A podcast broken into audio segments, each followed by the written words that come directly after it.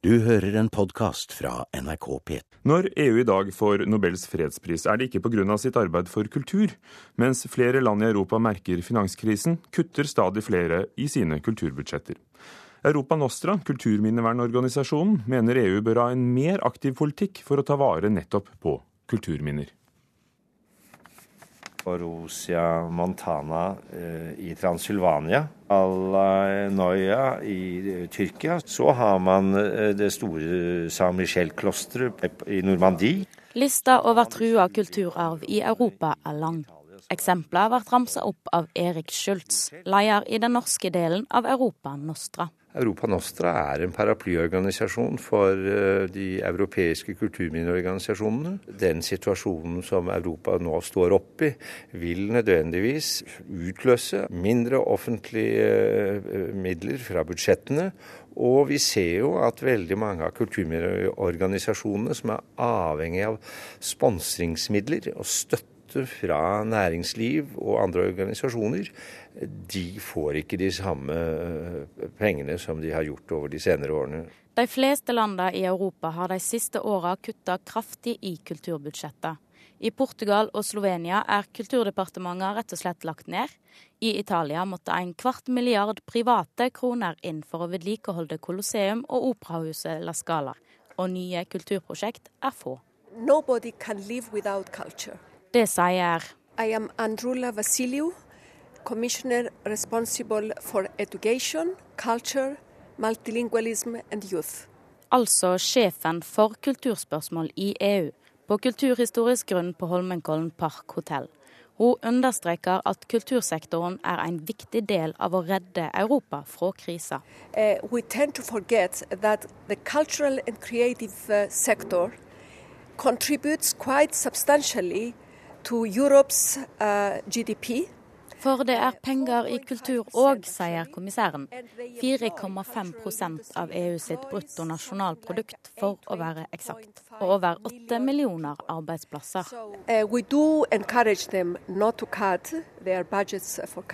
Vi oppmoder om å ikke kutte i kulturbudsjettet, og stiller som et eksempel ved å be om et større kulturbudsjett i EU. So uh, I think they will get the message.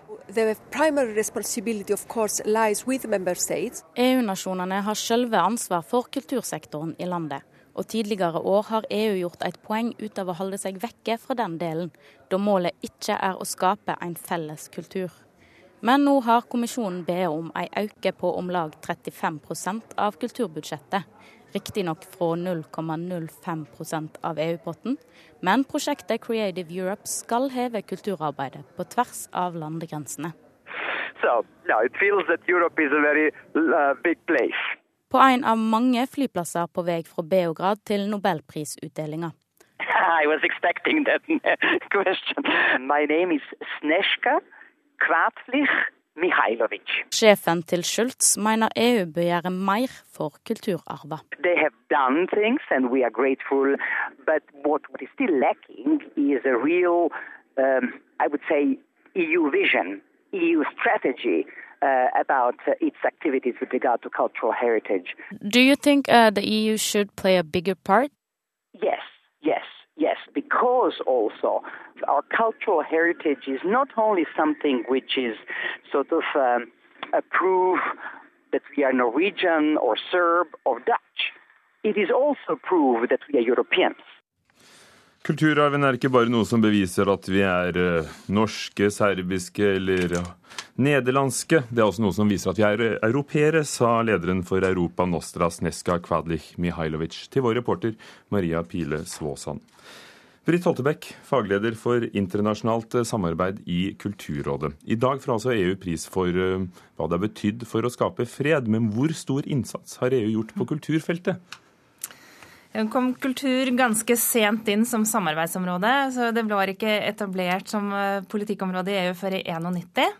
Men det har vært initiativer på kulturfeltet, økonomiske initiativer, fra, fra derfra og fremover. Eh, og også noe tidligere med de europeiske kulturhovedstedene. Eh, og så, da, og så kom da den europeiske kultur, eller EUs kulturagenda i 2007, som var en sånn forsterking og befesting av at, politikk, nei, at kulturpolitikk er en del av EUs eh, virkeområde.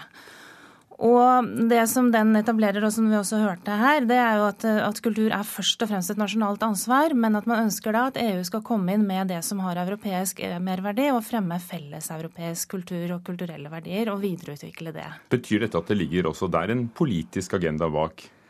Noe man vil oppnå? Ja, absolutt. Det er en agenda med, som, et, som, bygger på tre Den kulturagendaen bygger på tre søyler. Den bygger på kulturelt mangfold, fremme av mangfold, styrke, bidra til å støtte og styrke nasjonalkulturer, utvikling av kreative næringer. Og så kultur inn som et, en del av utenrikspolitikken i EU. Men betyr, eh, betyr, det at dette handler mye om den aktive kulturen? Altså Vi er jo med i Norge på EUs filmprogrammer og andre kulturprogrammer, men ikke så mye om det kulturminnevernet vi hørte organisasjonen mm. Europa Nostra ta til orde for at EU burde ta ansvar for, fordi nasjonalstatene gjør det stadig mindre. Mm.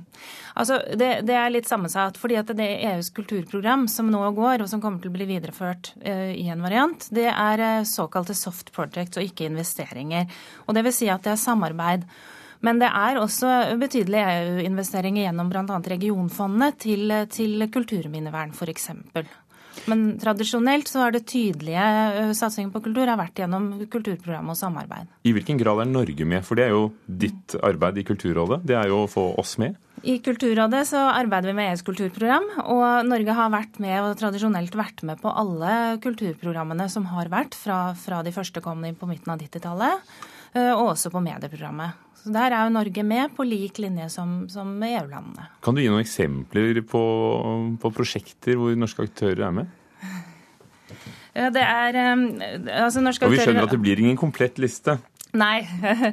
altså Norske aktører har vært ganske aktive og ganske flinke til å være med på, på de paneuropeiske EU-prosjektene.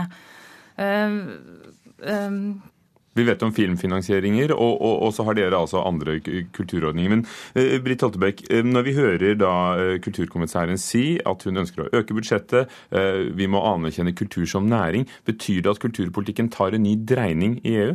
Jeg tror den har gjort det de siste årene, kanskje særlig med agendaen. Men det er en veldig tydelig, tydelig satsing på innovasjon og sysselsetting. Og vi hørte jo de tallene de nevnte, der man har en stor tro på at at kreative næringer bidrar inn i økonomien. 4,5% av EUs eh, BNP, 8 millioner arbeidsplasser. Ja, og Det er jo da også noe man politisk linker til EU 2020-agendaen og satsing på innovasjon og, og, sysselsetting. Det nye kulturprogrammet vi hørte om, Creative eh, Europe, som altså mm, ikke er vedtatt ennå. Hvis det blir vedtatt, så vil det være gyldig fra 2014. Hva vil det bety? Altså det er, eh, det er, Nå går kulturprogrammet og medieprogrammene ut nå i løpet av 2013. og så skal det da Forslaget er å vedta nye program for en sjuårsperiode.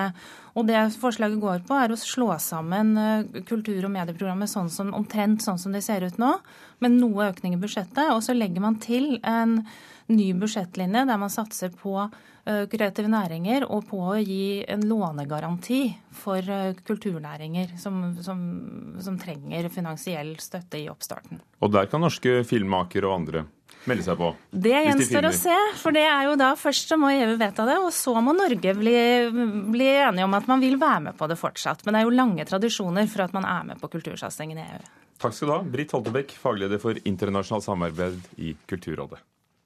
Thank you.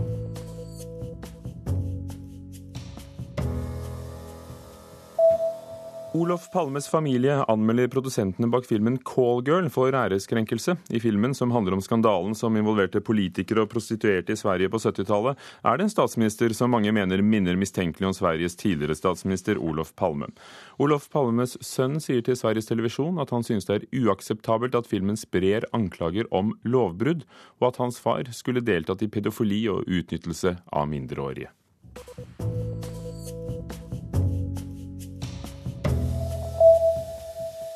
Det gjenstår å se om det er en god eller dårlig nyhet, sier statsminister Jens Stoltenberg om å være rollemodell for den danske statsministeren i TV-serien Forbrytelsen. I kveld sender NRK siste episode av tredje sesong av den danske krimserien, og Stoltenberg er spent på hvordan avslutningen blir. Jeg tenker at eh, om det er en god eller dårlig nyhet, er veldig avhengig av hvordan det går i siste episode, som jeg ikke har sett. Eh, det er litt avhengig av hvilken rolle statsministeren faktisk har. Jeg valgte meg fordi jeg hadde tillit. Den tilliten har jeg bruk for lige nå. Statsminister Jens Stoltenberg har vært hovedinspirasjonen til karakteren statsminister Christian Camper i TV-serien Forbrytelsen. Så langt har jeg et godt inntrykk av han, for han virker eh, som han er opptatt av å få gjort ting. Eh, og virker som han er eh, et ærlig og engasjert menneske. Det politiske dramaet i TV-serien er komplett. Regjeringsvalget er få dager unna, politiske allianser bygges og brytes, og en presset statsminister Christian Kamper har blitt dratt inn i en kriminalsak som ryster hele Danmark. Jeg vil vite det hele. Hvem han er, hvordan han er blitt anholdt. Det hele. Ja. Å være til inspirasjon, det synes Stoltenberg er stas. Men det gjenstår å se hvilket menneske han egentlig er eh, i den siste eh, episoden.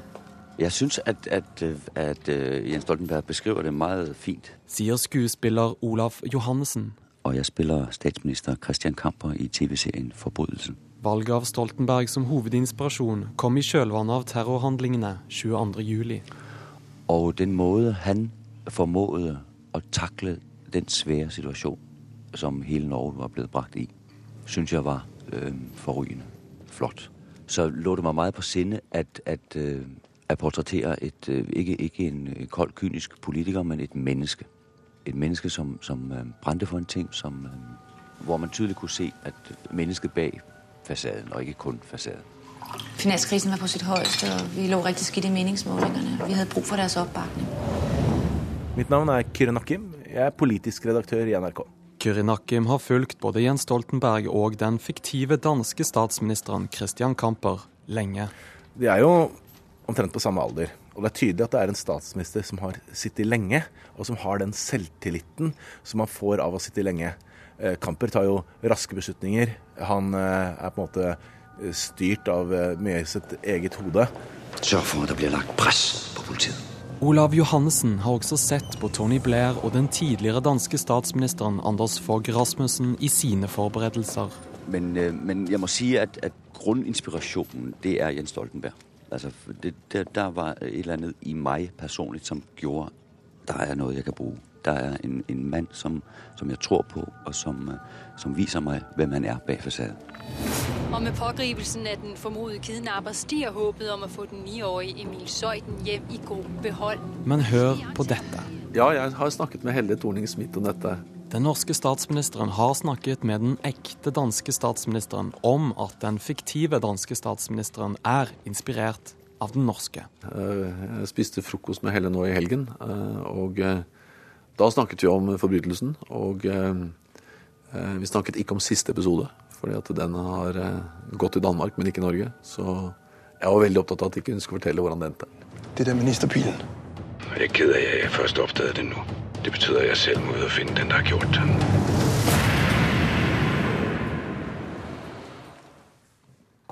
Og Det er altså i kveld at siste episode av Forbrytelsen sesong tre sendes på NRK. Reporter var Eivind Våge.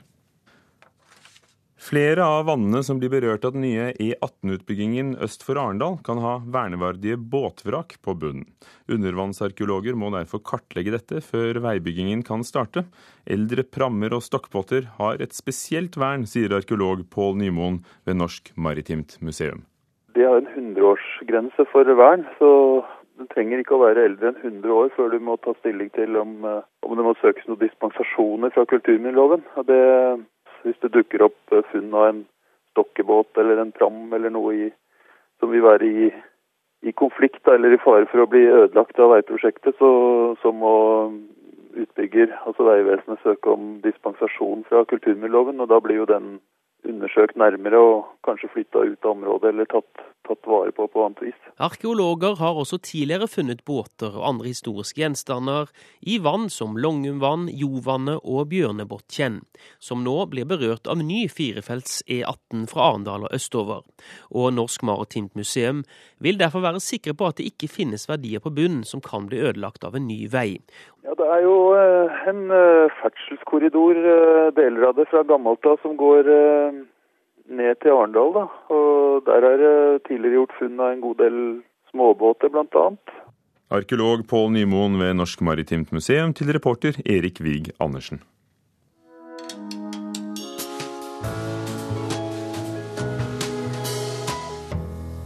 I 50 dager levde Ole Martin Holte som uteligger i Oslo og København, uten penger, utstyrt med en sekk med liggeunderlag, tannbørste, tannkrem og notisblokk. Ved hjelp av denne formen for deltakende observasjon ville han forstå de menneskene han utdannet seg til å hjelpe.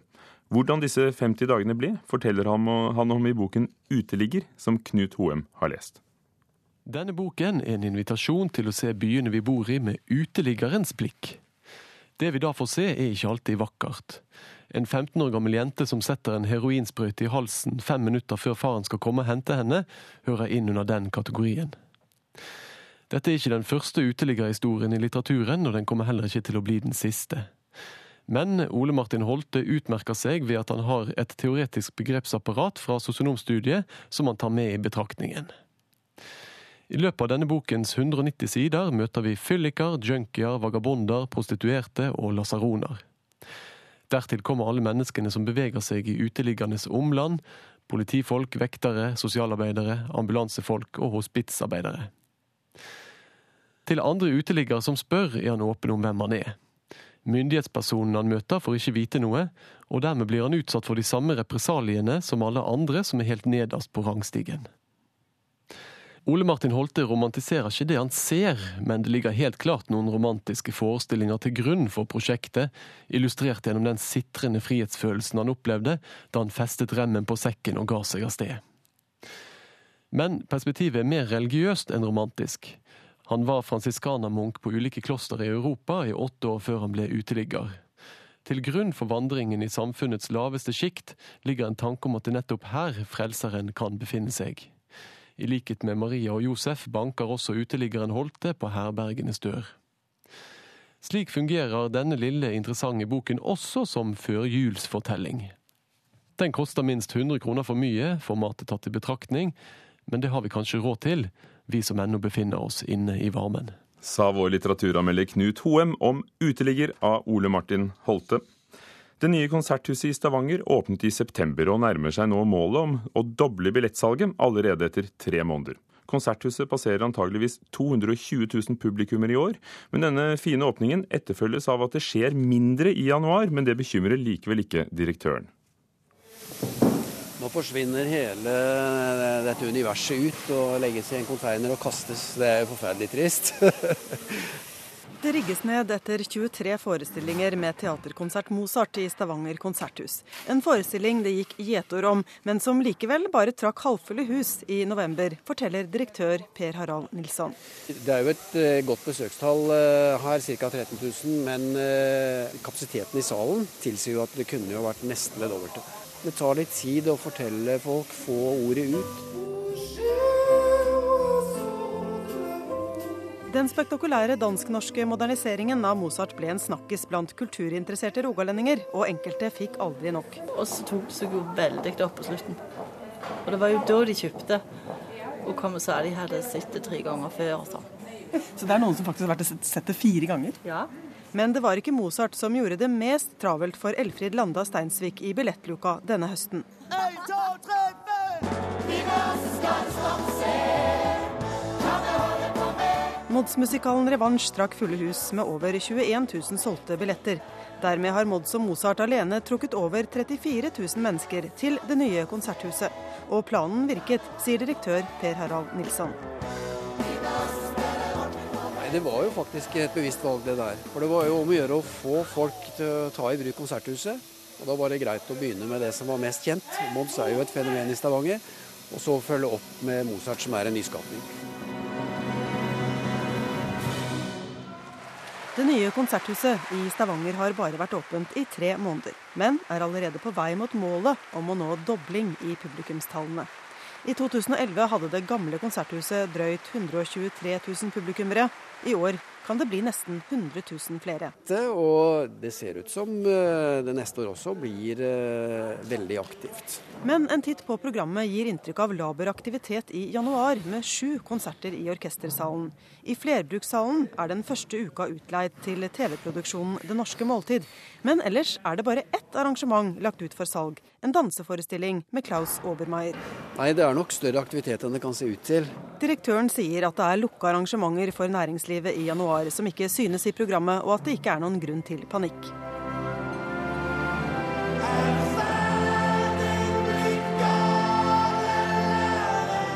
I februar kommer Kaizers for å spille tre konserter med Stavanger symfoniorkester bl.a.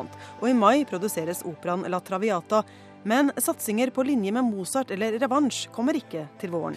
Ja, altså Du får ikke forestillinger som går over sånne lange perioder som dette. Men vi er jo nå vi er jo gått inn i et samarbeid med Det Norske Opera, og vi produserer en forestilling for Det Norske Opera. Som de da overtar eiendomsretten til eh, i neste omgang, og skal turnere andre steder i Norge. Det kommer i mai. Det er jo ikke like krevende å få det ned som å få det opp. Produksjonsleder Terje Harlo er i full gang med å rigge ned etter Mozart for å gjøre klar til julebord. Onsdag spilte Jarle Bernhoft for et revisjonsselskap, og flere julebord skal det bli. Så skal salen vaskes, skal settes opp stoler og bord, skal det være mat her. Nei, Det er en viktig del av inntektsgrunnlaget her. Og så er det jo også litt publikumsbygging i det. Det er jo mange som kommer seg inn i konserthuset på den måten. Og reporter i Konserthuset i Stavanger, Anette Johansen Espeland. I Kulturnytt i dag har vi hørt EUs kulturkommissær si at hun ønsker seg mer kulturpolitikk sentralt fra EU, siden kultur er en så viktig næring. Og vi hørte Jens Stoltenberg si at han er usikker på om det er en fin ting å ha vært rollemodell for statsministeren i forbrytelsen. Det vil vise seg når siste episode sendes i kveld. Hanne Lunås var teknisk ansvarlig, Eivind Våge produsent, Ugo Fermariello programleder. Du hører på Nyhetsmorgen i NRK P2 og Alltid nyheter. Du har hørt en podkast fra NRK P2.